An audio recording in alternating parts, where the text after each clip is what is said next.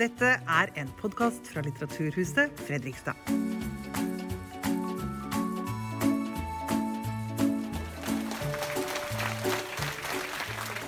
Kjære alle sammen. Hjertelig, hjertelig velkommen hit til eh, Litteraturhuset Fredrikstad. Eh, veldig hyggelig å se så mange mennesker. Eh, fullt hus igjen. Det har vært mange, mange av dem nå i høst. Over 300 mennesker i salen. Jeg heter Roy Konradi Andersen, og jeg er daglig leder her på huset.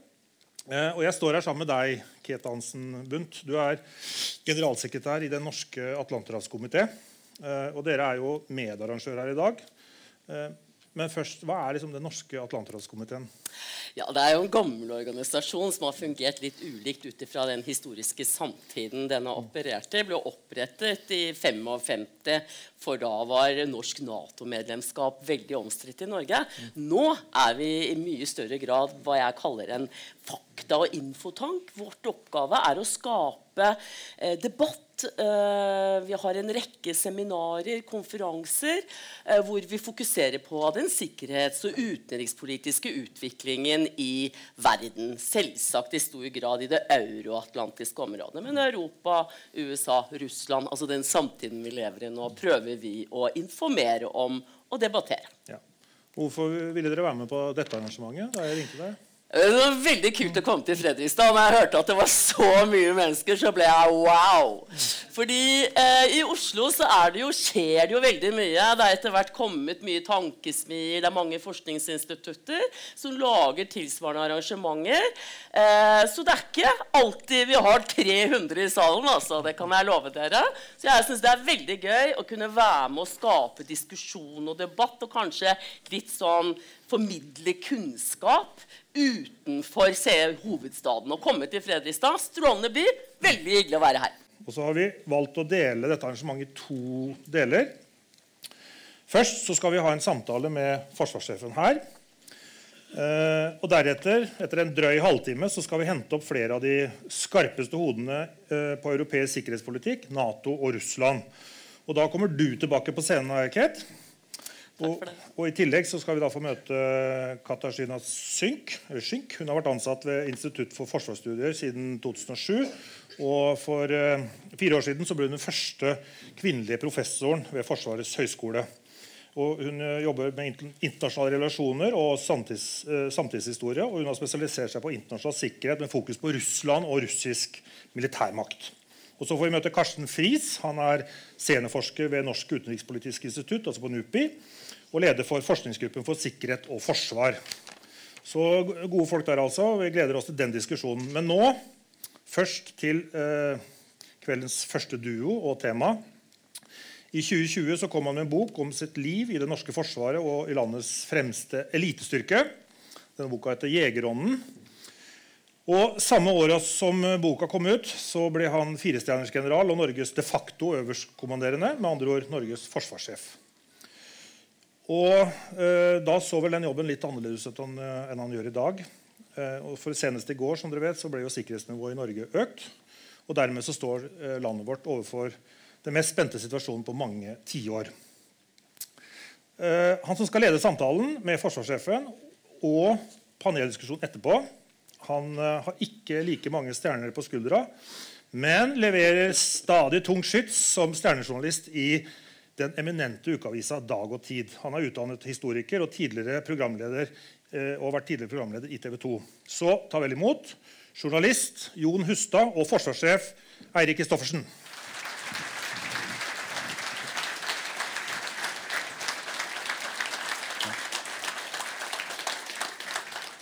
Generalen insisterer på å bli kalt Eirik. Jeg er ikke helt komfortabel med det, men jeg skal prøve. For elleve eh, år siden, da var jeg 41 år, og jeg var i Tyskland og fikk intervju med sentralbanksjefen Jens Weismann. Og jeg oppdaga at han var 25 dager yngre enn meg.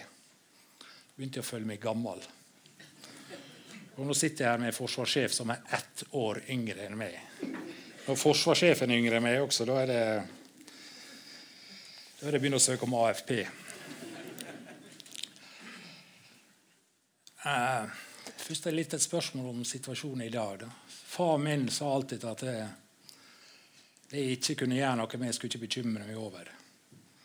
Så Jeg har aldri egentlig vært bekymra for atombomber, krig eller for den del klimaendringer. Jeg kan ikke gjøre noe med det. Men du, du kan jo gjøre noe med det. Hvordan det føles? Er det tungt nå? Nei, jeg syns ikke det er tungt å være forsvarssjef. Det syns jeg er en uh, fantastisk uh, jobb og det er en uh, fantastisk utfordring. Så jeg syns ikke det er tungt. Det synes jeg ikke. Men jeg syns jo du har et poeng at det går an å gjøre noe med ting. Og, og jeg, De to siste årene siden jeg ble forsvarssjef, så har det jo vært det jeg vil kalle historisk tid. da. Det har vært pandemi. Vi trakk ut fra Afghanistan i fjor etter 20 år. Eh, vi eh, fikk eh, styrkeoppbygginga rundt Ukraina. Det ble eh, invasjon av Ukraina. Og så, eh, før eh, sommeren kommer, det har gått to år, så søker jaggu Sverige og Finland medlemskap i Nato òg. og alt det har skjedd de siste to årene. Da. Så det har vært ei veldig spennende tid. Det har vært ei historisk tid, og det har vært nok å gjøre. sånn sett. Det har det vært. Og oppi alt det her så står vi jo vi står foran det som du også sa. Vi står foran resultatet av eh, tiår med neglisjering av klima og miljø. Så at vi gjør, Alt der skjer i en tid med, med akselererende effekter av, av klimaendringer. Så, så, spørsmålet er jo hva, hva, gjør vi med det, og det kan vi jo komme tilbake til. Men eh, jeg har ikke fasiten akkurat her og nå. Det har jeg ikke. Men jeg har jo lest boka di. Jeg likte boka di. Eh, og så har jeg jo møtt av og til spesialsoldater. Og, og jeg var i militæret, så på Ørlandet der var det jagerpiloter. Og Det som alltid har slått meg, er jo at det er en det er sånn flat syke på slike folk. ja, det, det, er jo, vi, vi, så etter det vi kalte jegerånd. Vi så etter folk som, som var fokusert og løste oppdrag og, og brydde seg ikke så mye om omstendighetene. da. Om det var om de var sliten, eller om de var eh, kald, eller om, de, eh, om, det var mørkt og det regna, så, så, løste de oppdraget likevel. Eh, og Vi lærte veldig tidlig når jeg begynte å jobbe i spesialstyrkene, at eh, det var på en måte ikke lov å klage. da. Eh, vi måtte ha orden i eget bo før vi gjorde noe mer. og Det var en veldig sunn innstilling, syns jeg, som, som, har tatt meg med meg videre òg.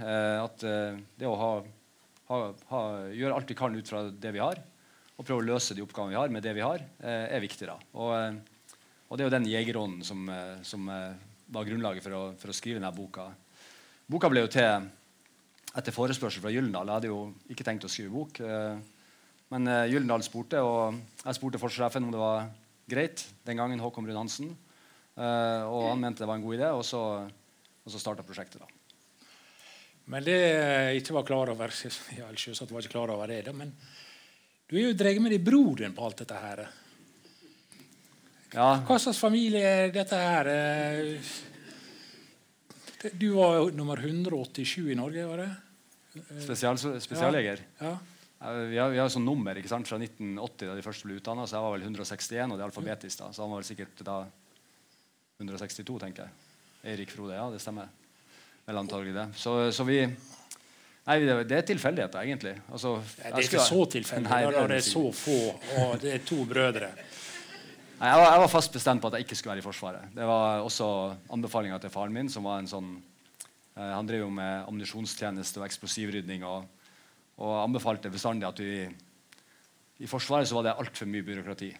Så det, det å ta utdanning og ta noen år var fint, men eh, måtte komme oss bort før vi havna bak skrivebordet. Så det var jo et, for så vidt et godt råd, men eh, men jeg fulgte jo det og begynte på NTNU og, og i Trondheim, NTH som det het den gangen, og skulle bli sivilingeniør etter to år i Forsvaret. Men, men jeg savna Forsvaret. Jeg savna utfordringene jeg fikk som ung leder. Jeg savna miljøet, folkene. Jeg hadde veldig lyst til å reise til Libanon. Så når broren min begynte i Forsvaret, så var nok han litt mer bestemt på at han skulle være i Forsvaret også etter at han hadde tatt de første årene. Så, så vi endte opp i en situasjon der vi jobba forskjellige steder på forskjellige tidspunkt. Eh, og så åpna det seg en mulighet i 1999 for å søke opptak til å bli spesialsoldat i Forsvarets spesialkommando. Og da var du 30, var han 32? Nei, jeg var eldst. Så han og du var eldst, ok. Ja. Så var, uh, han var vel uh, da i 28, jeg var 30. så vi søkte opptaket da, og, og for min del så betydde det at jeg blant annet gikk fra å være kaptein til å bli løytnant i Hæren. Så måtte, De tok ikke inn kapteiner, så vi måtte være løytnanter. Så Så det var, eh, men vi ville bli soldater sammen med de 13 andre som da fullførte det første opptaket der spesialkommandoen åpna for andre enn det som var tradisjonelle veien, der du har enten vært fallskjermjeger eller marinejeger først før du søkte opptak.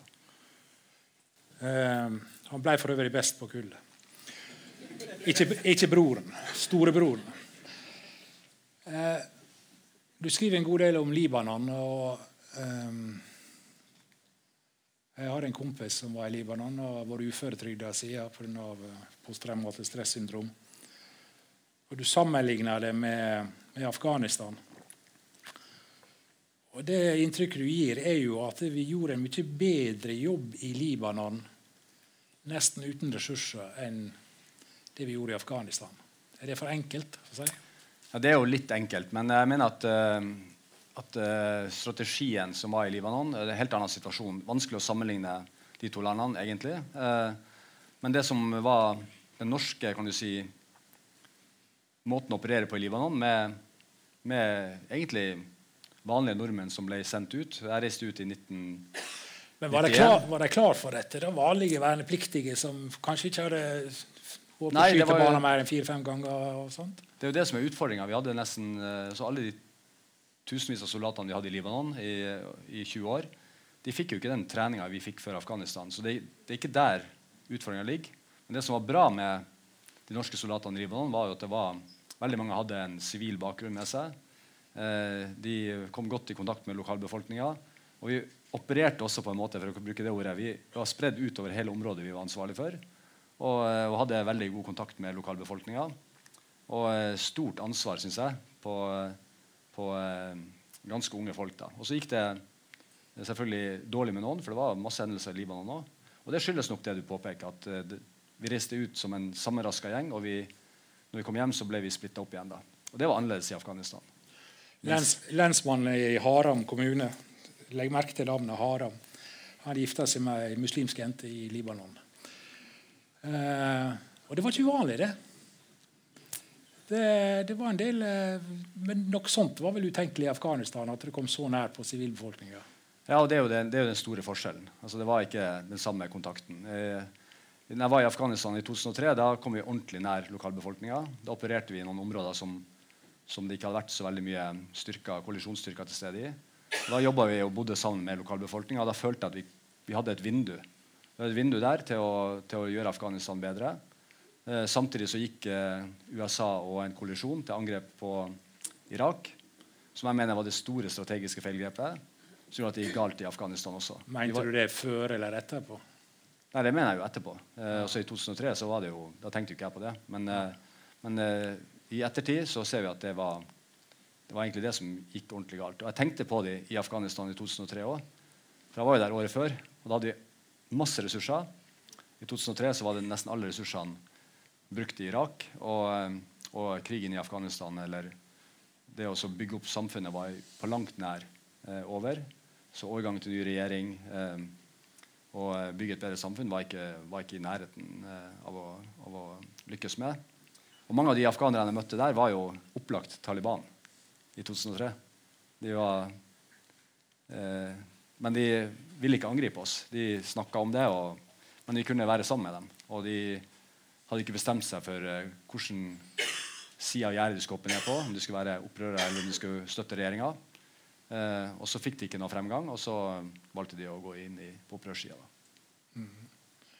Men jeg må komme litt tilbake til dette at du er blitt eh, ikke bare leder, du er blitt forsvarssjef.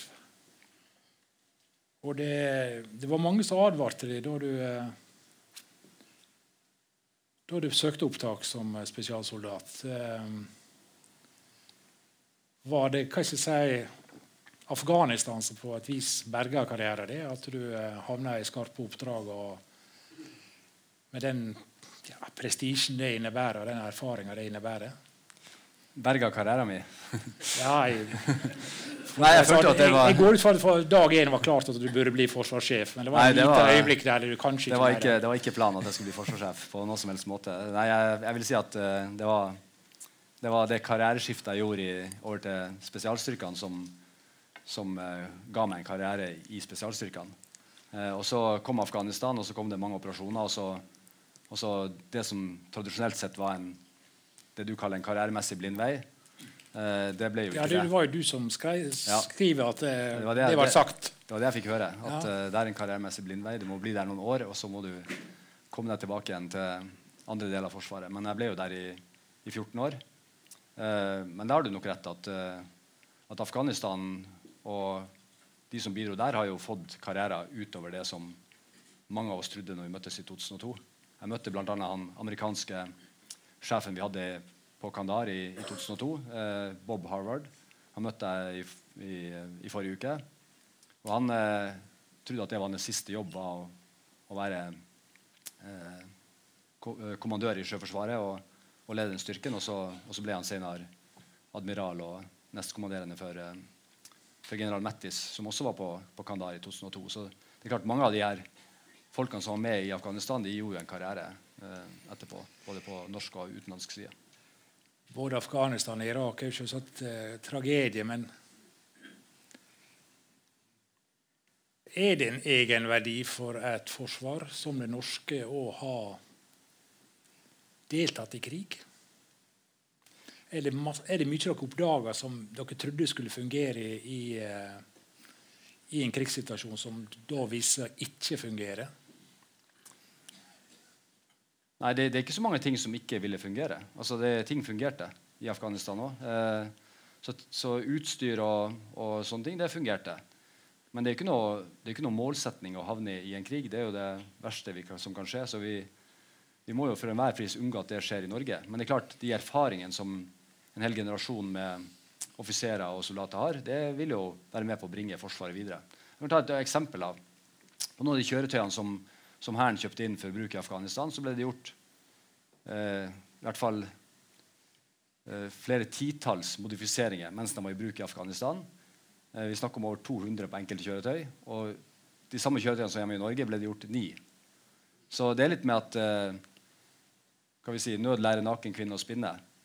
Det, det skjer. Når du er i en sånn situasjon, så utvikler du ting raskere, og, og du får til ting til som du, ikke, som du har brukt vanvittig lang tid på å gjøre i dypeste fred hjemme i Norge. Og så skal vi være glad for at det er dypeste fred, men det er klart en sånn situasjon som Afghanistan eh, driver innovasjon og teknologi eh, mye raskere enn eh, en når det er eh, sånn som vi liker å ha det, fredelig. Ja, ja. Men det som også slo meg i lesing av boka, er jo ehm, Det virker på en måte mer uformelt og Det er veldig mye ansvar som blir lagt på hver enkelt spesialsoldat. og får nesten inntrykk av at du når du var leder, av og til følte at jobben din var bare var ikke blandes inn. Eh, er det unikt for gitt at det er litt rett, er det unikt for spesialsoldater, eller er det en, en måte å lede på i, i Forsvaret som er blitt mer eh, mer tidsriktig, da, for å si det på den måten? Ja, jeg, jeg tror at det, det er ikke noe unikt for spesialstyrkene. Men det er klart, der var vi Vi var små, vi alle kjente hverandre. Det var stor kontinuitet. Eh, helt avhengig av tillit. Litt sånn som i jagerflymiljøet, som du beskrev. Jeg opplever det i mange sånne små profesjonelle miljøer at det, det er liksom helt uformelt. Og så opplever jeg at det, det skjer i resten av Forsvaret òg. Eh, men der er det også mindre kontinuitet og, og større rotasjon på folk. Eh, men jeg opplever at, at det er et mye mer moderne lederskap i Forsvaret i dag enn jeg begynte i, i 1988. Så, så, eh, og jeg hadde mange unge folk inne i, i Forsvaret fra forskjellige partier. Um, unge politikere som har vært inne og, og besøkt Forsvaret. Og de, de er overraska over at, at det er Alle vet hvem som er sjefen, men samtidig så kan alle snakke med alle. da. Og Det, det tror jeg er en utvikling som har skjedd blant bl.a. Eh, tror jeg ble initiert med, med den store skredulykka i Vassdalen. Der man så på lederskap på nytt igjen i Forsvaret. Eh, Arne Pran, eh, som var han vi husker som gikk av, for vi som er såpass gammel, gikk av etter Vassdalulykka og tok ansvar. Eh, det det starta en hel diskusjon rundt lederskap og, og eh, viktigheten av å si ifra. Eh, som jeg tror at vi alle etterpå har, har hatt godt av da, og lært av. Så, så det å ha mot til å si nei og mot til å si at det går ikke så bra, det, det opplever jeg er mye større nå enn det var når jeg starta i Forsvaret. Men hvordan er hva skal jeg si, Jeg nevnte det for deg på forhånd her, at jeg jobber for AVAX, amerikanske radarfly, i verneplikta. Og Det som forbauset meg, var at de likte meg så godt. Fordi jeg kunne engelsk og var relativt oppegående. I motsetning til det som lå implisitt, at amerikanske meninger ikke var det. alt dette. Når vi ser hva Russland holder på med, og hvor elendig styrt det er, og den totale mangelen på tillit mellom befal og soldater Er den norske samfunnsmodellen Har den kanskje noen positive sider når vi tenker forsvar? Ja, altså, den norske samfunnsmodellen har bare positive sider. Så, så, jeg ser ikke hva som er negativt med det. Altså, det, det. det, du snakker om, er helt rett. Det som skjer som militært sett i Ukraina nå, er at du møter et uh, gammeldags, hierarkisk, fryktbasert, uh, gjennomkorrupt russisk lederskap uh, mot et mer modernisert Jeg skal ikke si at de ikke har, de har sin utfordring i Ukraina òg, men, men, de har modernisert seg siden 2014. Og de har, de har, lært å bruke det vi kaller oppdragsbasert ledelse. De har styrka befalskorpset sitt, så det er ikke bare offiserer. Eh, de viser initiativ. Eh, de vet hva de slåss for. Og det gjør at eh, de her to systemene som møtes da, så blir det også en viktig faktor for at det går veldig, veldig dårlig med Russland. Mens det går militært sett ganske bra med, med Ukraina. Og, og, lederskapet er absolutt en, en, viktig del av det. Jeg er sikker på at president Putin trodde at statusen på hans forsvar var mye bedre enn det var. Det er jeg sikker på. Og vi hørte også om det. Vi som var i Forsvaret, hørte om et modernisert, fleksibelt, lagdelt russisk forsvar som kunne jobbe sammen og få ting til å funke. Eh, og så ser vi det vi ser i dag, som er noe helt annet. Det, det er dårlig militært håndverk, det russerne gjør. Eh, og heldigvis. Og, uh, og det, da tenker jeg at i et system som er så hierarkisk, så autoritært, så korrupt, så, så blir alle rapportene feil. Og til slutt så sitter en på toppen og tror at alt er fint, og så stemmer det ikke. Det blir nesten sånn keiserens nye klær. og så tror jeg at vi, for å ta det på på vestlig side har, har sett på akkurat de samme rapportene. Det er sikkert noen som har lekka de. Eh, sikkert noen spioner eller jeg vet ikke, som har funnet ut at eh, dette er statusen på russisk forsvar. Og så har vi også trodd på det. Og så når du da kommer ned i, i avdelinger og på depot, og sånn, så ser du at det er tomt. Og det, Dieselen er solgt, ammunisjonen er gammel, utstyret mangler reservedeler. Og så står de der de står i dag. Men er det også en fare det skal vi komme inn på kanskje i debatten, da, at vi, fordi de gjør, så, gjør det så dårlig Russland, og at vi undervurderer styrken deres? Det var f.eks. vinterkrigen. da Finnene drap hva det var nå igjen. For hver død soldat så døde det elleve russere. Det var fram til da den, eh, den høyeste drapsratoen. Og Hitler fikk jo rapporter om dette og konkluderte med at det russiske forsvaret var tvers gjennom råttent. Er ikke det en fare for at vi nå, fordi de gjør det så dårlig der, kanskje undervurderer det likevel? Nei, det må vi ikke. Vi må ikke gjøre det. Den fella må vi aldri gå i. Russland er alltid stort nok. Så uh, Russland er et enormt land med enorme ressurser. Uh, de skal ikke undervurderes. Og de lærer underveis òg.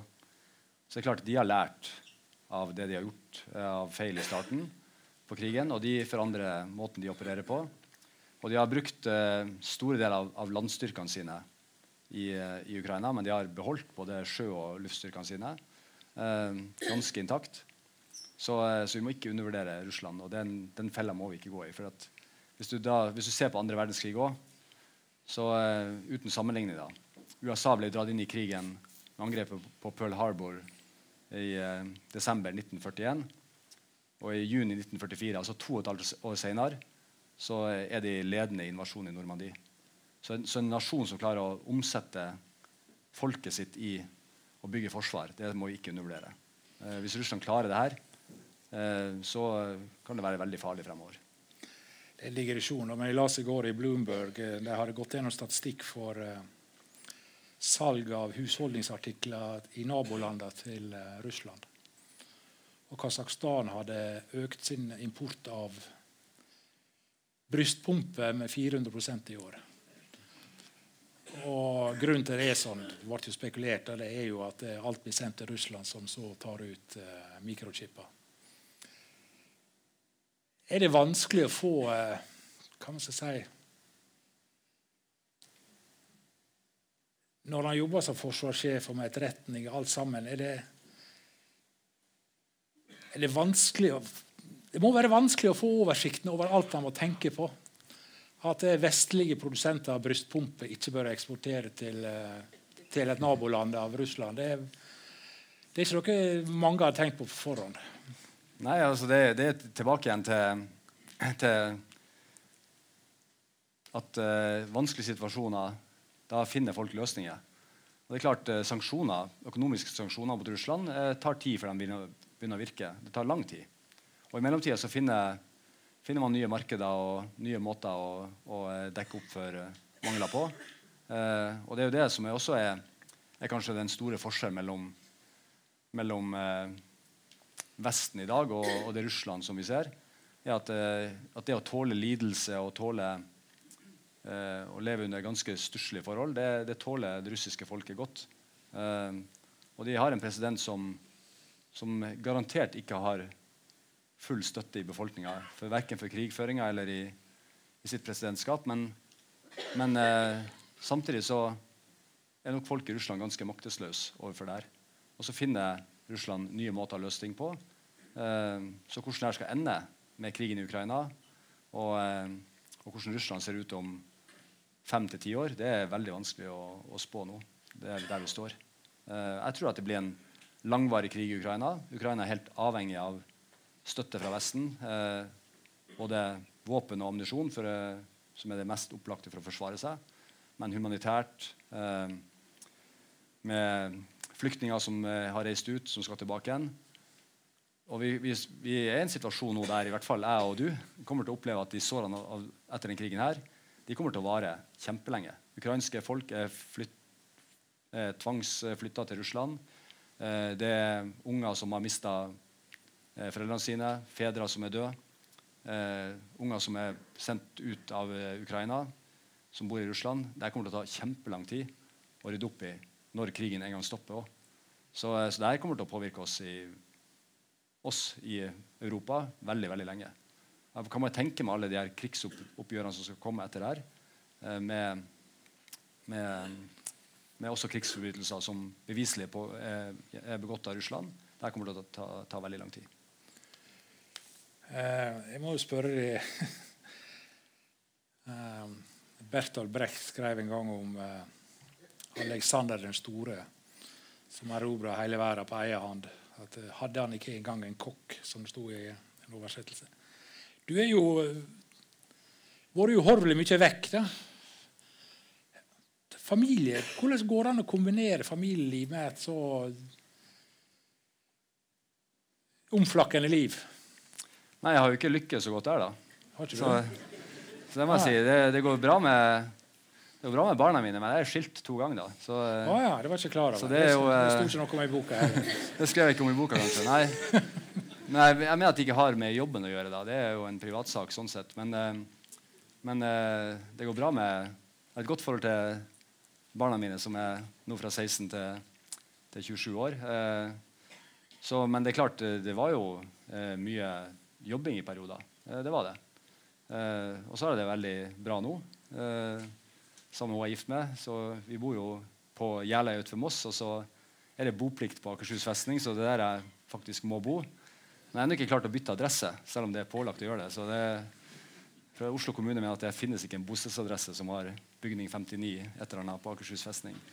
Men eh, det jobber jeg med. Men, eh, så vi, så vi, eh, vi, har det fint. Ja. Så du, du har et egen grotten nesten? Ja, det er jo faktisk det. Ja. Ah, var Det var veldig tydelig at der skulle forsvarssjefen bo. Eh, nemlig for seg, og det protesterte jeg ikke på det. Det var greit. Det, det, det, man kan ikke klage på det. Det er veldig sentralt. Det, er det. Og så må jeg stille et ubehagelig spørsmål. Hvordan var det å få den eh, for de som leser VG, noe dere ikke bør gjøre, så fulgte jo forsvarssjefen avisa her i helga. Jeg kom til å tenke litt eh, de påstår at du var med å nærmest kidnappe en musiker. Litt Ja, det- sånn, sånn, litt sånn le- trubadurix i Asterix, dette her, at eh, en eller annen i landsbyen ble kvitt eh, skalden. Eh, Ja. Ja, nei, jeg leste jo det. Jeg er veldig overraska for det første av uh, fremstillinga. Altså det, det er mange premisser her som jeg mener er veldig rar. Feil mann. Tja. Det var i hvert fall ikke noe Det var ikke noe boyband som hadde øving i det huset der. Og det var heller ikke et murerlag som eh, var ferdig for, med arbeidet for dagen. Det var bevæpna folk. Eh, det var folk som hadde ikke bare våpen til selvforsvar, de hadde også eh, sånne rakettkastere og, og midt i et veldig Taliban-kontrollert område. Og, og det vi gjorde, var jo å, å agere på både etterretning fra altså teknisk innsamling, altså avlytting av telefoner og sånne ting, eh, men også to eh, kilder som pekte ut den personen her som den lederen vi skulle ta med ut. av. Eh, og så gjorde vi nå det, da. Og så, eh, og så eh, ble han frakta og, og satt i fengsel. Og så kom det tydeligvis da, i ettertid, som jeg har fått vite nå, eh, så ble han frigitt etter kort tid, visstnok, eh, og sa han var musiker. Men jeg vet ikke. Eh, så jeg er sikker på at den personen der var ikke Det var i hvert fall en del av Taliban. Og, eh, Nå er jo Taliban lagt ned forbud mot musikk, så det er kanskje eh, eh, Nei, det, er, det er mange uklare ting i denne historien som Vegard har, har skrevet. Uh, og jeg snakka etter eh, historien også med de som jobba med etterretninga rundt en operasjon. Og, og de er også sikre på at uh, når vi har to kilder som peker ut samme mann, så er det et eller annet som ikke stemmer da, i, historien etterpå. da. Jeg har jo møtt mange, mange afghanere som, som har vært Taliban, som nå er guvernører. Altså, det er jo eller som var guvernører som ble Taliban. Eh, I 2003 for eksempel, så møtte vi en guvernør som senere var opplagt hadde valgt side og blitt Taliban. Eh, og så var det jo en av de vi, vi eh, lette etter i Afghanistan, som er guvernør i Kabul nå. Så, så det kan godt hende at han var murer og musiker, men eh, det var ikke det som var jobben hans. Der han satt, eh, satt i dalen der. Da skal vi invitere opp de andre på scenen. Takk skal du ha. Takk for samtalen så langt. Ja. Da skal vi ønske velkommen til eh, Det er dette med uttale, da. Katarzyna Sysk. Hun var tidligere ved IFS, Institutt for forsvarsstudier, og er nå professor ved Forsvarets høgskole. Så er det, som dere så i stad, Kate Hansen Bundt, som er i norske Atlanterhavskomité. Og så er det Karsten Friis fra NUPI. Er du slekt med Jan Friis? Jan Friis? Ja. Spørs hvem av dem du mener. Faren min het Jan. Ok. Det er neppe han jeg mener. er slikt. Ehm, vi kan jo gå rett på, på dagens situasjon. Norske hushold bruker 40 TWh med strøm i året. Det er 40 milliarder kilowattimer. Fra Nordsjøen eksporterer vi 2400 TWh. Det er mye. Og så har vi hatt eh, denne oljeindustrien siden 1969. Og nå viser det seg at eh, den er fryktelig sårbar. Hvorfor har ikke vi bygd opp et bedre forsvar mot eh, sabotasje? Du kan begynne med det, Eirik. Ja, det er jo eh, Hva tenker du på da? At vi skal bygge et forsvar mot sabotasje i Ja, for eksempel kunne vi ha sensorer på rørledningene. Vi kunne hatt luftvern. Vi kunne hatt mye rart som kanskje gjorde det litt verre for eh, russerne. Eller er det umulig per definisjon å forsvare 8000 km med gassrørledninger? Ja, det, det, vi, det vi må erkjenne, er at uh, samfunnet er sårbart. Det, vi ønsker å leve i et fritt og åpent samfunn, et demokrati. Og da, da vil det oppstå sårbarheter. Det vil oppstå sårbarheter i forhold til, til digital teknologi. Det vil oppstå sårbarheter i forhold til, til infrastruktur. Det vil oppstå sårbarheter på en rekke områder. Og hvis vi skal Altså, det er ingen av oss som ønsker å leve verken i en politistat eller et militærdiktatur. Så det er veldig bra at ikke forsvarssjefen og politidirektøren bestemmer for mye. tenker jeg da. Eh, fordi vi ønsker å leve i et demokrati. Og, og denne åpenheten gjør jo også at vi blir sårbare. Og prisen for sikkerhet er enorm. Så det er jo årets eh, det er jo et, hele hele et spørsmål. Altså, hvor mye skal vi bruke på forsvar, og hvor mye skal vi bruke på, uh, på eh, sikkerhet? Og hvor mye skal vi bruke på helse, hvor mye skal vi bruke på utdanning osv. Så, videre. så det er jo spørsmål som er viktige spørsmål. da. Og så vil jo jeg legge frem mitt behov for et, for et forsvar som er best mulig rusta for å forsvare Norge. Og da, tenk, da, tenker jeg først og fremst på si, eksistensielle trusler mot Norge. Så den krigen Ukraina slåss nå, er en eksistensiell krig for den ukrainske nasjonen og landet. En sabotasjeaksjon mot en oljeredning i, i, Nordsjøen er alvorlig. Men det er ikke en eksistensiell trussel mot Norge. da. Jo, men Det er en eksistensiell trussel for Europa når vi, de får over 2000 TWh fra oss. Det går i svart. Ja, det... 92% av husholdene i ja. Nederland får varme fra gass. Ja. Du mener at det er en eksistensiell trussel? og det er der jeg mener at Vi må snakke om hva er de forskjellige truslene. Det er alvorlig, det er eksistensielt, det er helt sikkert vitalt. Men, eh, men hva, er, hva, er, det som er, hva er det som er konsekvensen av en handling, og hvor mye skal vi bruke av penger for å forsikre oss mot den? Så, så, vi må jo hindre at vi aldri mer opplever å bli tatt fra friheten vår, demokratiet um, og kan du si, den freden vi har nytt siden, siden 1945. Og Det er jo det som er mitt fokus på å bruke pengene på det. Og så vil det være en diskusjon hvor mye av vi hvor mye av de midlene skal vi bruke til å sikre deler av norsk infrastruktur, og, og hvor mye skal vi bruke på, på forsvar. Så da kommer det i diskusjon. Skal vi kjøpe jagerfly, eller skal vi kjøpe eh, undervannsdroner for å passe på olje, oljerørledninger? De diskusjonene går hele tida. Og det er vanskelige avgjørelser. Det, jeg kommer alltid til å be om masse, og så til slutt så får jeg en, visst, eh, en viss sum, og så, og så, må jeg forholde meg til det. Men poenget ditt er likevel, er likevel viktig. Da, for, at, for at vi må ikke bli for naive heller. Så vi må ha god nok sikkerhet. Eh, så får vi se. da. Nå, nå, driver man og søker alle olje- og gassrørledningene. Eh, og om det blir funnet noe der, det gjenstår jo å se. da. Vil dere fortelle om det? da? Hvis det blir funnet? Ja. ja det er jo ikke Forsvaret som primært gjør det. Det er jo, eh, det er jo eh, eh, både næringa sjøl og, og eh, Innleide aktører. Ja, og, og vi bistår der vi kan. Så, så samarbeidet mellom forsvar, politi og, og, og andre aktører nå er jo, er jo, veldig godt og tett. Uh, og det er viktig. Men uh, Katarzyna, hva er det vi skal Du kan jo ikke vite det, men hva er det slags paranoide tanker russerne gjør seg? Hva er det vi skal være redd for? Er det eventuell sabotasje som ikke blir klart hvem som har gjort? Er det det norske målet er jo at hvis vi blir utsatt for et angrep, så skal vi få dratt inn Nato så hurtig som mulig. Men hvis russerne driver på sånt som de gjorde med Nord Stream 1 og, og lignende Er det det vi skal være mest redd for? Altså, det er en del av i hvert fall uh, kapasiteter Russland har utviklet og har uh, til å utgjøre en skade. Over de siste i hvert fall Russland har vært, vært veldig aktiv i å bruke det som vi kanskje hadde kalt for hybride, eller i hvert fall gråsoneoperasjoner, hybride virkemidler. Og Russland har vært aktiv eh, med å utvikle det og testet i hvert fall og brukt det i, eh, over de siste ti årene. som sagt, eh, og Da snakker vi ikke bare om eh, kapabilitet til å skade den type infrastruktur, kritisk infrastruktur, men også f.eks. bruk av fake news og informasjonsoperasjoner, eh, propaganda Um, paramilitære operasjoner, f.eks.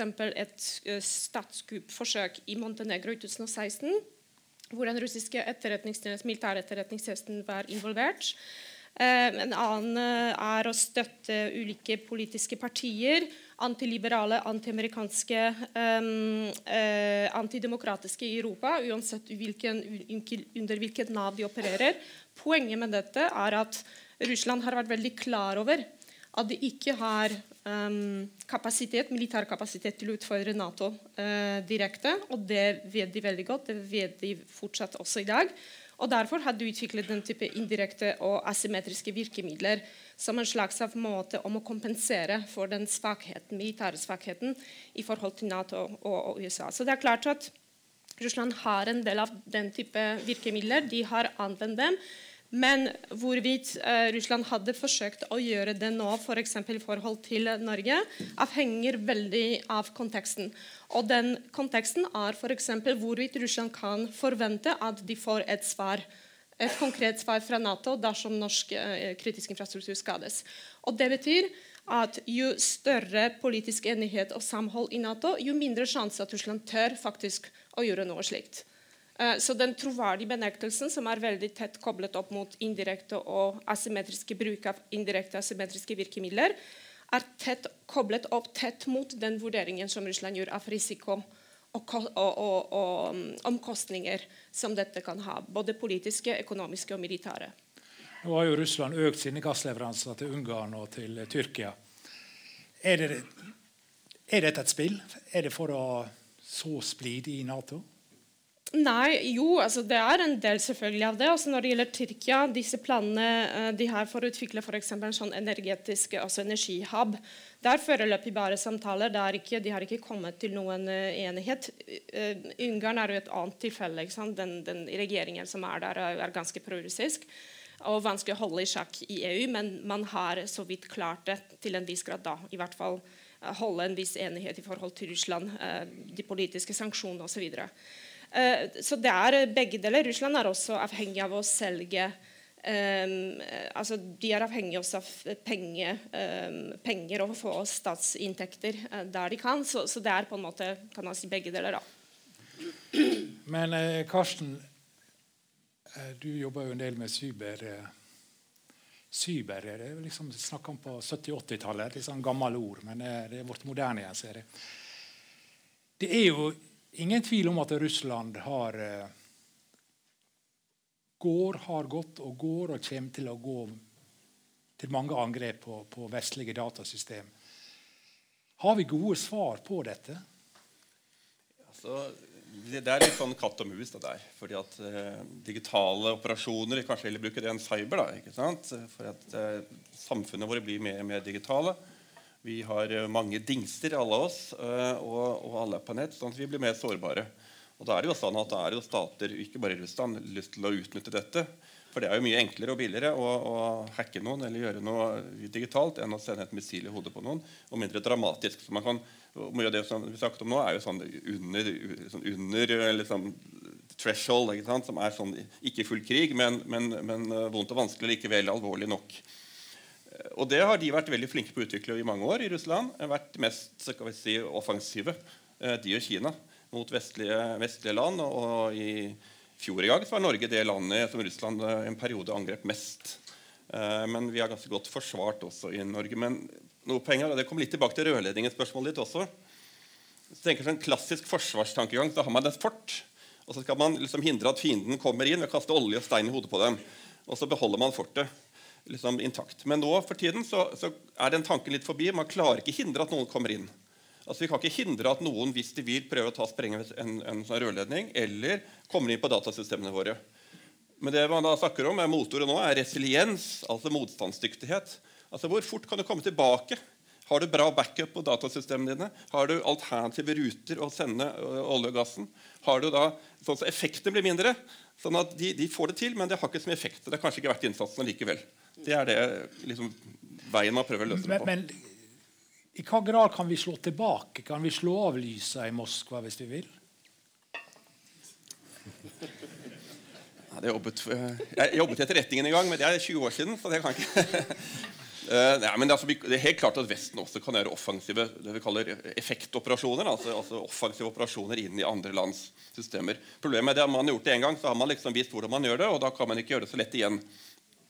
Så hvis, dersom at det visste at at det var nødvendig, så kunne sikkert også uh, vestlig side gjøre det. Men, men igjen, altså, er en, da er man jo i en slags altså En ting er å spionere på hverandre, noe annet ting er å sabotere hverandre. Og, og, det å gjøre noe som har fysiske konsekvenser, eller som har reelle konsekvenser Vi er ikke der ennå, heldigvis. Eh, Russland er relativt forsiktig med, med, med det, og, og også de gjør det litt. Men, og vi er ganske tilbakeholdne på vestlig side med å gjøre det. Jeg må snakke litt om Tyskland. og Der er jo Kate den fremste, skulle jeg si. Um, det er et sånt bilde der eh, Donald Trump står i FN og lekser opp for Tyskland om, eh, om energi. Og så det jo, Dette bildet er jo den tyske delegasjonen mens Trump holder på å snakke om energi og hvor gale Tyskland har stelt seg. Og så sitter da fire-fem diplomater bare flirer av han. Og det bildet har jo blitt delt i uh, mange ganger de siste månedene. for å si det sånn. Har Tyskland lært? Har de lært at de egentlig ikke kan stole på Russland? Nå er jo Schultz på vei til Kina og skal selge enda mer. eh, er det vanskelig å få tyskerne om bord? De skal nå få et forsvarsbudsjett som er større enn både Frankrike og Storbritannia. Men havner de alltid til det det er en slags tysk fascinasjon av Østen der. en plass. Ja, jeg tror relasjonen til Russland har vært tufta på historisk skam, takknemlighet og god økonomi. Den historiske skammen er for at annen verdenskrig i stor grad eh, var på østfronten. Man drepte enormt mye av Sovjetunionens innbyggere, deriblant hviterussere og ukrainere. Det har man egentlig glemt. Men man har da en skyld overfor Russland. Som en takknemlighet overfor Gorbatsjov fordi at han ga dem tysk gjenforening. Og så har det vært en helt formidabel økonomisk vekst i Tyskland siden gjenforeningen. Fordi de har fått billig naturgass fra Russland. Og så har de solgt sine, eh, sine, industrivarer til et Kina. Så de har på mange måter vært avhengig av to autoritære regimer. Og det er det vi ser nå. Har de trukket lærdom av at når eh, Putin gikk til eh, angrepskrig på Ukraina 24.2. i år, så var altså tyskerne avhengig av 55% av sitt forbruk av naturgass av Russland. Har de trukket lærdom av dette når de nå åpner nye fabrikker og markedsandeler i Kina? Der stiller vi oss spørsmål. Hva du tror du, da? Det interessante er jo at dette er en krangel internt i den tyske regjeringen som består av De grønne, med en ganske tøff eh, utenriksminister, Anna-Lena Baerbock, som er tøff. Hun mener at autoritære regimer må underordnes interessene til eh, Eller eh, tysk næringslivs interesser må underordnes at man skal snakke om menneskerettigheter osv. mot de autoritære regimene.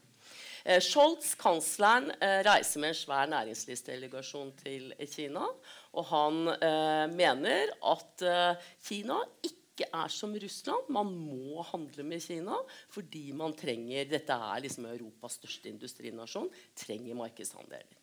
Men samtidig så har jo Scholz tatt til orde for å bygge opp Bundeswehr det militære ved at uh, han tre dager etter angrepet 24.2 tok til orde for at man skulle sette av 100 milliarder euro på et fond for å bygge opp Forsvaret og bruke 2% av bruttonasjonalforsvaret i året. Men det er retorikk enn så lenge.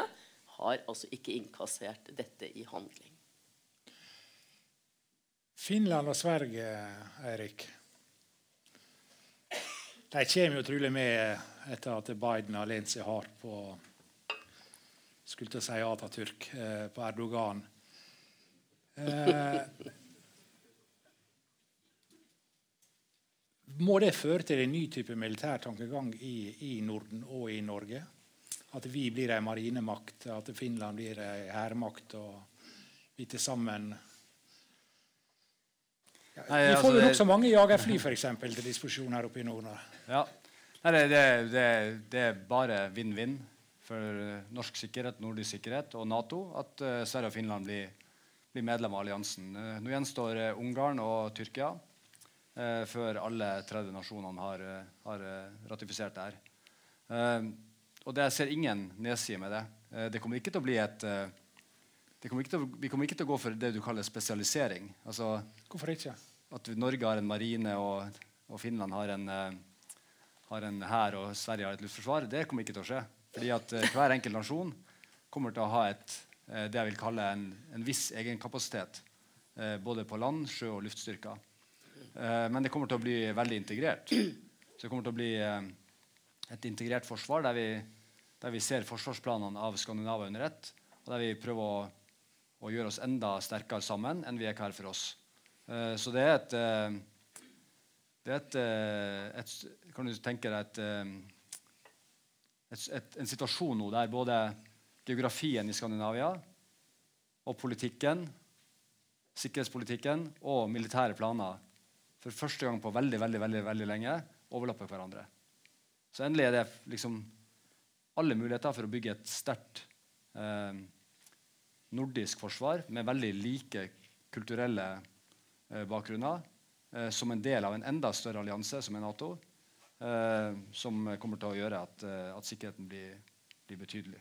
Så hvis du teller, teller, opp som du var inne på, altså antall jagerfly Vi snakker om eh, Norge, Sverige, Danmark om noen år. 140 det vi kaller 50 generasjons jagerfly, altså F-35 til sammen. Og over 100 eh, veldig gode svenske jagerfly. Så vi snakker om et formidabelt luftforsvar som er vanskelig å se for seg at uh, Russland skal kunne matche i, mot et samla Norden. Og det, Da er det bare Norden. Så legger du på Nato i tillegg. Da er vi på det vi snakka om. Altså, Nato er, Før krigen i Ukraina antok vi at Nato er 10 til 1 i styrke hvis man ser bort fra atomvåpen. Og det blir enda sterkere nå.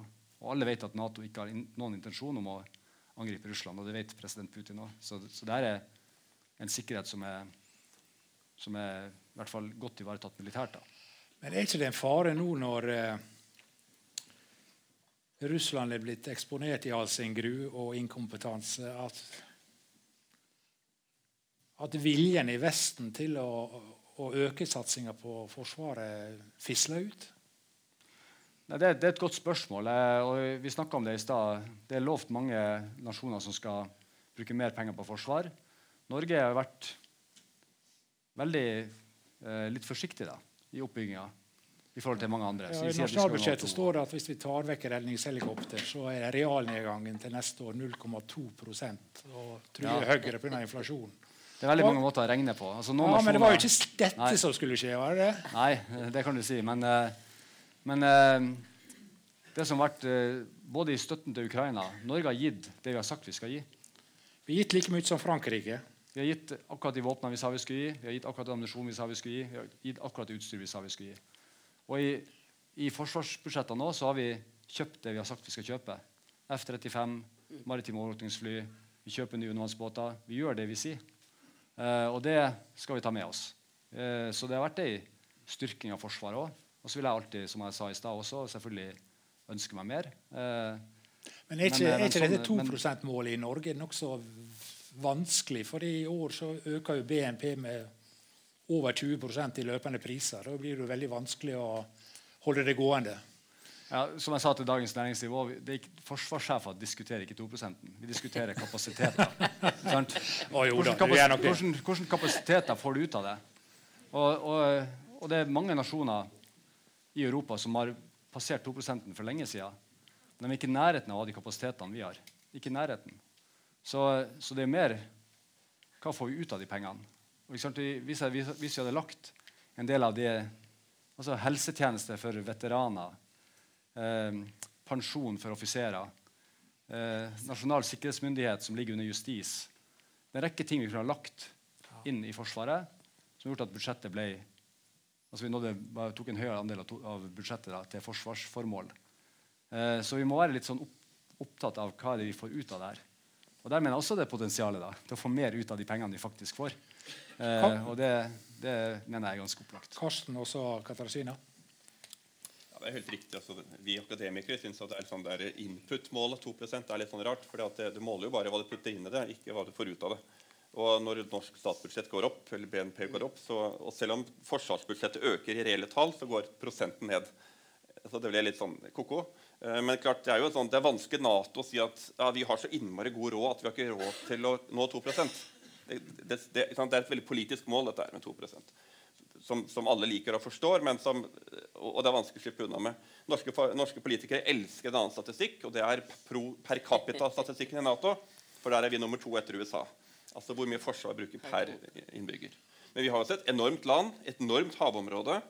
Så det er litt med det å gjøre også. Altså, vi har ganske mye oppgaver som forsvarssjefen skal ta seg av i et stort område, som gjør at vi må ha mye ressurser for å kunne gjøre det. Ja, nei, Jeg bare øh, ville øh, si noe om, om, det, hvordan vi vurderer denne krigen. Hva er grunnlaget av konklusjoner vi trekker fra det vi ser som skjer i, i Ukraina, og russisk kapasitet og evner og ja, tilstanden til russiske væpnede Og min bekymring er at vi kanskje blir for raske til å konkludere. Fordi en del av problemer og utfordringer og, og svakheter i den russiske militære organisasjonen som vi åpenbart ser i Ukraina, er strukturelle. Noen har vært kjent før. Uh, korrupsjon, um, problemer med uh, ineffektiviteten i deler av det russiske industri, militærindustriell uh, kompleks. samtidig er det en del av de utfordringer som Russland har møtt på i Ukraina, er veldig også kontekstavhengig. Og som jeg tror Russland kanskje hadde ikke møtt i et annet sted. Og for eksempel, bare for å ta et et eksempel der kampvilje eh, og moralen til russiske soldater, som for det første ikke forventet de skulle delta i krigen. Det ventet ikke den russiske militærledelsen. Så den, den, de var ikke eh, forberedt til å delta i, i krigen sånn som den utvikler seg etterpå. Soldatene var ikke forberedt, og jeg synes vi ser hvor viktig er, eh, moralen er for, for eh, suksessen eh, til, til militære operasjoner. Og jeg synes det at det skjer i Ukraina, er veldig viktig her. Fordi mange um, av de russiske soldatene som er sendt uh, uten at de forstår hvorfor de er der, de har faktisk det vanskelig å skyte på ukrainske folk. I hvert fall i starten vi så at det var en enormt stort problem som har bidratt uh, til, til mange taktiske operasjonelle nederlag. Og så Et annet eksempel støtten fra USA, som tror jeg den russiske ledelsen kanskje ikke ventet seg. Uh, støtten fra USAs etterretningstjeneste, f.eks. når det gjelder å undergrave russiske forsøk på å etablere en slags narrativ om hva denne krigen var, hva det dreide seg om, hvem har skylden. De har ikke klart, fordi eh, amerikansk etterretningstjeneste bestemte å komme i forkjøpet eller undergrave når russere forsøkte å gjøre det. F.eks. anklage ukrainere at de var i ferd med å utvikle uh, kjemiske og biologiske våpen. At de var i ferd med å angripe Russland med 'dirty bombs', altså radioaktive bomber. Um, så det er igjen, Vi må skille mellom det som gjelder hele organisasjonen, uh, men også det som var veldig kontekstavhengig. hvordan den spesiell militær operasjon som skulle være i noen få dager, egentlig ble til en flermånederskrig som Russland egentlig ikke var forberedt på. Hadde, jeg tror det hadde vært til og med en forskjell dersom det var ja, um, kanskje en krig mot baltiske republikker, eller selvfølgelig Nato. Jeg tror russere hadde ikke undervurdert sånn som de har gjort i tilfelle Ukraina. Og så er det mange mange andre ting som Men Det er så mange følgeskader. Nå er det jo hundretusenvis av unge, de mest intelligente, de best utdanna de som Russland er avhengig av for å bli et ja, for å få et moderne forsvar, for den del. Var det ingen så, var det ingen type Daniel Kahneman, en berømt psykolog, han sier at det viktigste en organisasjon kan ha, det er en pessimist. En djevelens advokat som sier at dette går til helvete, dette går til helvete. Alle hater dem, men de er utrolig viktige. Var det ingenting av den type tenking i den russiske ledelsen? Jeg tror det som er veldig, igjen, veldig spesielt med Ukraina, er at Ukraina har ikke vært oppfattet altså Putin hadde et visst bilde av hva Ukraina var. Det er ikke en selvstendig stat. Eh, de kan ikke forsvare seg selv. De har ikke noen selvstendig nasjonal identitet. De er veldig prorussiske, blant annet. ikke sant? Og, og, så snakket vi litt om det før, om den, det som man kan kalle institusjonalisert løgn. Som på en måte rapporteres oppover. Det, vi vet at det var veldig grove feil som ble gjort av den russiske etterretningstjenesten når det gjelder den, hva som ble servert til den russiske militære og politiske ledelsen om, om situasjonen i Ukraina. Om tilstanden til russiske ukrainske uh, væpnede styrker. Så jeg tror det er, Men et annet element er også en arroganse. Som, uh, som um, kommer egentlig fra, eller stammer fra flere tiår av sovjetisk propaganda, som overbeviste russere etniske russere om at de er egentlig på en måte en, en, de har en høyere stilling enn andre etnis, etnis, etniske grupper i det som var Sovjetunionen. Deriblant moldovere, ukrainere, baltiske, uh, uh, ja, uh, ja, baltiske republikker osv. Så Så jeg tror det er også det som har bidratt til den gode undervurderingen av situasjonen i Ukraina. Kate? Jeg tror Dette dreier seg ikke bare om Ukraina. der jeg er litt uenig. Hvis man går tilbake til 17.12. i fjor, så stilte Putin tre krav overfor Nato og Vesten. Nato skulle trekke seg tilbake innen grensene fra 1997. altså Man skulle ikke ha militært materiell eller soldater på polsk territorie, tsjekkisk osv. De landene som var blitt medlem eh, fra 1997 og fremover. Det skulle ikke komme flere Nato-medlemmer. Det var et krav fra Putins side. Og USA skulle trekke alle sine våpen ut av Europa. Dette dreier seg også om en eh, autoritær leder i Moskva som ønsker et nytt sikkerhetssystem for Europa, tuftet på en oppgradering av Russland som aktør.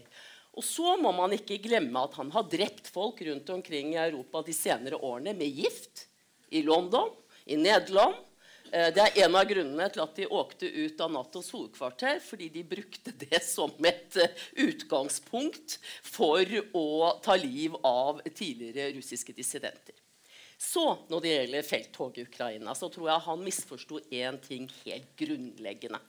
Han annekterte Krim i 2014. Vi eh, Ja Angela Merkel fikk med seg Francois Hollande han dro han ned av uh, scooteren sin hvor han kjørte rundt med elskerinnen sin i Paris og dro og fikk uh, fremforhandlet Minsk-avtalen. Stilte nesten ingen krav til Putin i det hele tatt. Og han uh, ga liv til en krig i Donbass som har rast i åtte år. Tatt liv av 15 000 mennesker. Han trodde at Vesten neppe ville reagere noe særlig annerledes nå. Ukraina, ikke Nato-medlem, ikke spesielt uh, populære. Det er jo også en stat som har uh, korrupsjon, oligarker, et demokrati som er litt sånn uh, Ikke helt sånn som vi liker det. Så jeg tror han misforsto. Og så får han også et Nato som styrkes langs hele østfronten med nye bataljoner i alle de østeuropeiske landene. Eh, og et samlet Vesten et samlet Nato og et samlet EU som innfører økonomiske sanksjoner vi ikke har sett etter annen verdenskrig. Så kan man diskutere om de hjelper eller ikke, men man har i hvert fall klart å snu energiavhengigheten av Russland. Nå står det altså skip med LNG som ikke kan laste av noe sted fordi man har støvsugd det internasjonale markedet for, det, for, for, alternativer. Og fordi at EU mangler infrastruktur ja, til å ta imot det. det skal jo, og jeg tenker Det er viktig å få med seg. Jeg tror han undervurderte det. Jeg, jeg så den dokumentaren med Macron og Putin som ligger på mm. NRK. Nokså god. Men er det så stor enighet i EU og Nato? Du ser jo Macron hele tida snakke om at vi skal, må kunne snakke med dem etterpå. Vi har ikke et mål om at Russland skal få regimeendring. Det, det er et eller annet der som Det er ikke akkurat en felles melodi her. Og, og, det er jo USA først og fremst, delvis Storbritannia, faktisk litt Norge som har stått nesten for all hjelpa. Så har tyskerne begynt å komme nå. Da. Men greier vi oss i Europa aldri uten USA? Skal det alltid være sånn? Nei. Nei, vi gjør ikke det. Så, så, vi, så, sikkerhetspolitisk så gjør vi ikke det. Så EU er ikke et alternativ til Nato. Det er ikke det. det er godt, vi kan godt synes det er litt trist, og sånn, men det er ingen europeisk nasjon som kan stå opp sånn som USA gjør. Derfor er det så viktig det som skjer i USA fremover òg. Eh, derfor må vi følge med på det. Så håper jeg at veldig mange unge møter til valg i USA om et par år. For det er en dårlig utvikling på mange områder i USA òg. Men, eh, men, det er ingen som kan garantere bedre for sikkerheten vår enn det USA kan. Og det gjelder hele Europa. Eh, og så det som skjer nå og litt, litt grunn til at vi heva beredskapen i Forsvaret i går, eller i dag, egentlig, det er jo 1. november i dag, er jo at eh, er jo for at det er en usikker situasjon i Europa. Det er en usikker situasjon med Russland. Det er en krig i Ukraina som har vart i over åtte måneder, som er nærmere Fredrikstad enn Kirkenes. Mm. Så det, det, er veldig nært. Jeg skal ikke si at jeg stemmer nøyaktig, men Ukraina er i hvert fall nærmere. Um, og denne krigen kommer til å fortsette. Den kommer til å fortsette gjennom vinteren. Jeg ser ikke noe slutt på den militært. Og Samtidig så gjør det at, at Russlands avhengighet av avskrekking er noe mer sentrert rundt atomvåpen, som er på Kolaløya. Så de, de, er mer avhengig av de maritime og, og, luftstyrkene sine, som de stort sett har plassert ganske nært Norge. Da. Og I tillegg så er Europa mer avhengig av norsk energileveranser enn noensinne. For det er det som er hovedalternativet til, til, til, til russisk. Så alt dette gjør at, at det var ikke noe alternativ for meg å ikke markere at situasjonen er mer alvorlig og mer usikker. Og da må vi gjøre det vi kan for å hindre at det skal skje noe. Men, men det, jeg vet ikke hvor liksom, konkret du kan være, men hva skjer under sånn høydberedskap? Er det lyttestasjoner i Barentshavet? alt så, Nei, altså Norge, pling, pling over hele fjøla? Norge, Norge, har veldig god oversikt i våre nærområder. Vi, vi snakka om Afghanistan i stad. Det var jo En av de tingene som frustrerte meg, var at vi skulle hatt enda mer etterretningsstøtte. Men vi brukte jo fortsatt ressursene på Russland. Og det var veldig lurt sett i ettertid. Så, eh, så det, det vi de fleste, Folk flest vil jo ikke merke noe særlig økt aktivitet. sånn sett, men, eh, men jeg må bruke mer ressurser til å holde eh, årvåkenheten oppe i nordområdene, på havet, i lufta og langs grensen til Russland. Eh, og så må jeg bruke mer ressurser på, på, eh, på Østersjøen og Nordsjøen, sokkelen, eller Nordsjøen. Eh, og så eh, må jeg se om det er ting vi har, som ligger i planene, som vi skal få om noen år, som vi kanskje må trekke til oss. Som f.eks. luftvern, som, som er opplagt eh, ting vi skal kjøpe, men som ligger litt langt ut. Synes jeg da. Så kanskje jeg må trekke det til meg i forhold til andre ting som vi kan skyve på. Da. Men Karsten, du er jo verken eh, offiser eller politiker. Hva bør vi bruke pengene på? Hva sa du? Hva bør vi bruke pengene på? Min kjepphest er luftvern. Jeg forstår ikke hvorfor vi ikke har luftvern. Vi har, vi har luftvern. Ja, ja, over Ørlandet. Det er ikke nok. ikke nok, det er vi enige Nei, Vi kan ikke ha luftvern overalt. Men klart det er sikkert noen, en del flere steder vi burde, burde hatt det. Uh, uh, men det var vel en vurdering. For eksempel, skal vi ha det rundt hovedstaden, som vi hadde i gamle dager? rundt regjeringen? Det valgte man ikke å gjøre. Ja, fordi man prioriterer med budsjett. Og så valgte man at det er bedre å beskytte kanskje militære installasjoner. Ja, du, altså det, det, jeg overlater jeg syns egentlig Forsvarssjefen skal holde på å utvikle et, et, et, fagmilitært råd. og som det alltid prosessen er, og så skal regjeringen ta sine valg. Det er jo til slutt en, en prioritering mellom, mellom ulike ting. Eh, men jeg har lyst til altså, hvis jeg får lov å vende tilbake til det poenget som, som Ket hadde her, også med USA altså det, eller også som, som Erik hadde, at vi er veldig avhengig av USA. Og det er jo ikke alle som liker det. Det er jo alltid noen som syns at det, det, er litt vondt og vanskelig. Eh, men altså, militært sett er det, er det, ingen tvil om det. Og også den krigen her, eh, så, så er det da, altså, Hvis ikke USA hadde hjulpet Ukraina, så tror jeg russerne hadde vært i Kiev i dag. Så alvorlig er det. Og det, og det, er bare både for etterretning og informasjon, og sånt på skje, men, også, men, også senere da militært med systemene. Det er helt avgjørende krigen. Jeg tror at 90% av alt sånn ordentlig ja, tungt materiell er fra amerikanerne. Så hvis Man snakker om strategisk autonomi og fine, vakre ting i Europa, men, men man får ikke det til. Iallfall ikke på militært side. Så forsvarspolitisk er vi, er vi helt avhengig av, av, USA. Men sikkerhetspolitisk det handler om en del mer ting. Altså, og da kommer vi tilbake til oljeplattformer, cyber og alle disse andre tingene, som også er viktige. Og Der er ikke vi like avhengig av USA. Så Der er et europeisk samarbeid mye viktigere. For der er det, det handler om alle tingene som man, for man kan gjøre gjennom lov, eller at man har felles standarder på å sjekke hvem som kjøper opp selskaper osv. Så, så, så, så I det spekteret fra det militære, bomber og granater, til cyber, så er det, så er det eh, ikke alt USA kan hjelpe oss med, men på det high end, det viktigste, så er vi helt avhengig av USA i overskuelig framtid. Og selv om europeiske land skulle bli enige i morgen om at nå skal vi slå sammen og lage en stor EU Army, så ville det ta 10-20 år før de fikk det. Og det er helt utenkelig at, noe, at briter vil ødelegge seg fransk kommando, eller omvendt. Eller tyskere skal lede. Ja, det vil aldri skje. Men eh, det, Jeg lagde en artikkel der mye research på dette. her. Det har vært sånn i Europa at eh, forsvarsindustrien har møtt et mye høyere rentenivå. Thales f.eks. fått redusert sine utenlandske investorer med 50% de siste ti åra. Norge har jo da konsekvent nekta å finansiere Boeing og Airbus pga. atomvåpen. Tar det tid før si, både kapitalister og politikere innser at det, verden er mye mindre trivelig enn hun var? Ja, altså, noen grunn til at de ikke får disse gode rentene, er taksonomien dette teknisk i, i EU-systemet. Altså hvem som, hvilken, Hva slags uh, kapitalstrømmer de får inn i selskapene sine på å investere. Uh, og fordi de er slemme, altså sånn, sånn, som tobakk og, og, andre sånne, så har de ikke fått samme, samme gode grønt lys som andre bedrifter. Uh, og det er jo selvfølgelig Forsvarsindustrien uh, river seg håret over det. Uh, og, og det så, så, det er liksom det sier at det tar tid å innse at det er ikke alt liksom, militært som er liksom, fælt. men, men, det har sittet litt i. Litt, litt, sånn, litt, enkelt, men litt sånn dyp fred vi har vært i. Så man har tenkt at det er fælt, fælt med bomber, og det, de, ikke, de, de, er, de, liker vi ikke. skal ikke liksom støtte for mye. Valgjerd var jo for bombinga av Serbia, men mot bombene. Det likte ikke bombene, ja. Jo, men det sitter dypt i oss, og det er fint, det. Som Erik var inne på i begynnelsen her, Det er jo bra at vi ikke har opplevd, opplevd, eh, opplevd krigen så nært eh, som noen generasjoner før oss. at vi liksom da, Det sitter litt langt unna. Men spørsmålet ditt, dette må vi våkne opp fra.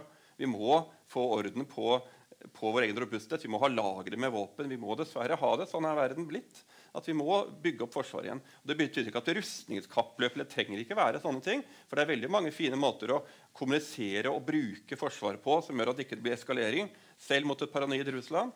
Men vi må nok gjøre hjemmeleksene bedre for å, for å gjøre oss mer robuste mot framtiden.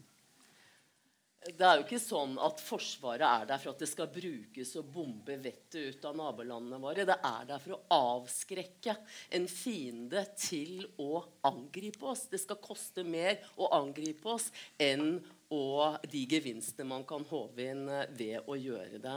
Og Det tror jeg er veldig viktig å få frem. og du snakker om Macron. Ja, det er uenigheter i Europa. Det var jo også en formidabel iscenesettelse av den franske presidenten. vil jeg si, den dokumentaren. Jeg så den, og Frankrike er opptatt av selvstendighet i forhold til USA. Og Nato er... nevnes ikke med et ord, tror jeg. Nei. Nei det og det er en og en halv time.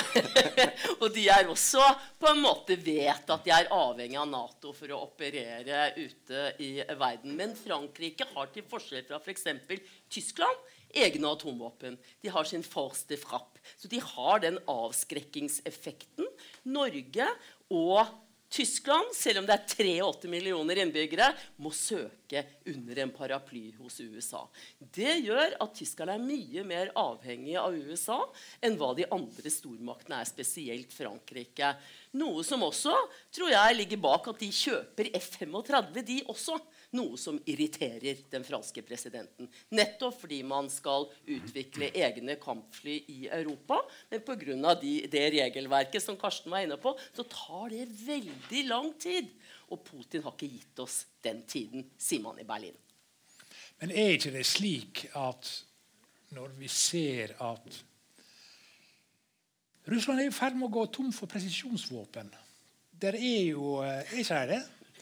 Eller bare holder i reserve for å kunne ta ut norske oljeplattformer? Har vi informasjon om det? Det hadde vært veldig spennende. for jeg tror det er veldig, det er, Ingen vet hvor store arsenalet av presisjonsvåpen er. Og det var også veldig uklart helt i starten av den operasjonen. Så det, det kan hende etterretningstjenester vet det. Jeg, I hvert fall i åpne kilder så er det veldig vanskelig å få informasjon om det. Det var mange spekulasjoner om at Russland allerede starten, i starten av denne operasjonen gikk tom for den type våpen. Og så plutselig ser vi at de bruker det i ganske store antall nå under en uh, angrepet på, på ukrainske byer og kritisk infrastruktur og sivile mål til og med. Så det er veldig uklart, men det er klart at de tømmer eh, sine lagre. Eh, vi vet ikke helt hvor store de er. Det, vært, det er noen analyser som peker på at f.eks. når det gjelder stridsvogner, så, så, har Russland tømt nesten 50% av sin kapasitet. Når man sammenligner f.eks. satellittbilder før og etter. Det er veldig sånn omtrentlig anslag. Og disse folka som vil si at Russland kan holde på egentlig et halvt annet år. Men det avhenger av så mange faktorer. Det er veldig vanskelig å vurdere uh, hvordan Russland klarer å f.eks. omgå sanksjoner hvordan, hvor mye klarer de å stjele fra budsjettet til uh, helse, utdanning uh, og andre f.eks. velferd i Russland, og, og, omdirigere det til Forsvaret. Det er det de forsøker å gjøre nå. Uh, statsbudsjettet ble presentert i går, tror jeg. det russiske statsbudsjettet. Hvor det ser ut som at russiske, den russiske befolkningen kommer til å betale en veldig høy pris for, det, for, denne krigen, bl.a. ved bruk av skatt. Um, og Det avhenger f.eks. hva blir Kinas holdning. kommer de til å hjelpe Russland i det skjulte eller ikke? Hvordan klarer de å støtte dem? Um, og ja, også Det er en, en, grå økonomi også i Russland som, som vi vet veldig lite om.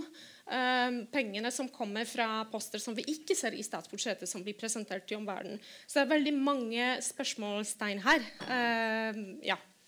Men vi må nesten komme inn på det, da, siden vi snakka om det eksistensielle her i stad. at Hvis det går virkelig ille for Putin i Ukraina Skal vi gå rundt og bekymre oss for at han slipper en atombombe eller to for å ja, si til Ukraina at hvis dere ikke gir oss det vi vil ha, så er dette konsekvensen? Eller er, er de for redde til å gjøre det, tross alt? Er de for rasjonelle til å, til å ikke gjøre det? Altså, russisk eh, doktrine rundt bruk av atomvåpen er ganske tydelig. Eh, og det skal være en, eh, en, god grunn til å bruke atomvåpen. Og den eh, terskelen er ikke nådd i Ukraina enda. Men det er også en, eh, en, eh, dualitet i det som blir sagt. fordi at de finnes taktiske atomvåpen som ikke, som ikke gjør så veldig stor skade utover Ukraina. Da. For det, det, er ille nok. Altså mer enn ille nok. Men det er en terskel å bryte som ikke har vært brutt siden 1945. Da. Så, så, men vi skal, ikke, vi skal ikke avskrive det. Det er litt uh, poenget. da. At vi må vi må eh, tenke og høre på hva Russland sier. Og så håper jeg at det er gode nok kanaler, da, sånn at man får snakke om det her. Og det vet jeg ikke. Mellom USA, Russland osv. For atomvåpen har jo sin funksjon som avskrekking. Og når det først er brukt, så har du på en måte brukt opp det. og det er veldig, da, har du, da har du brutt en terskel som er veldig farlig. Eh, og så er det det andre som er veldig skummelt med det her, er at, det er at Nato kunne jo gått inn i krigen i Ukraina og slått de her russiske styrkene i løpet av veldig kort tid. Svartdalsflåten, landstyrkene, det som er i Ukraina. Men vi gjør jo ikke det, fordi vi skal ikke ha en tredje verdenskrig. som vi om tidligere. Så det er jo noen nasjoner her som kan få veldig gode ideer om, om effekten av atomvåpen og avskrekking. Så Nord-Korea ser jo det, at her griper man ikke inn. Eh, Iran tenker seg sikkert det, at hadde vi hatt atomvåpen, så hadde vi vært trygge. Fordi at atomvåpen avskrekker fra å gripe inn. Så at vi kan få, et, få flere nasjoner nå som tenker at atomvåpen er, er, en sikkerhet som de trenger. da, Fordi den virker opplagt fra russisk side nå. Ukraina ga jo dem vekk for å få respekt for sin uh, integritet. Så. Og Det er også et poeng. ikke sant? At de ga det bort, i, og så blir de angrepet likevel. Så. Men hvis vi ser på hele verdensbildet, så har vi krigen i Ukraina. Vi har et Iran som er offensivt, og det er vel trolig at de på relativt kort tid kan skaffe seg atomvåpen. Om de gjør det eller ei, det er et annet spørsmål. Og vi har 90% av den avanserte chipproduksjonen ligger på Taiwan.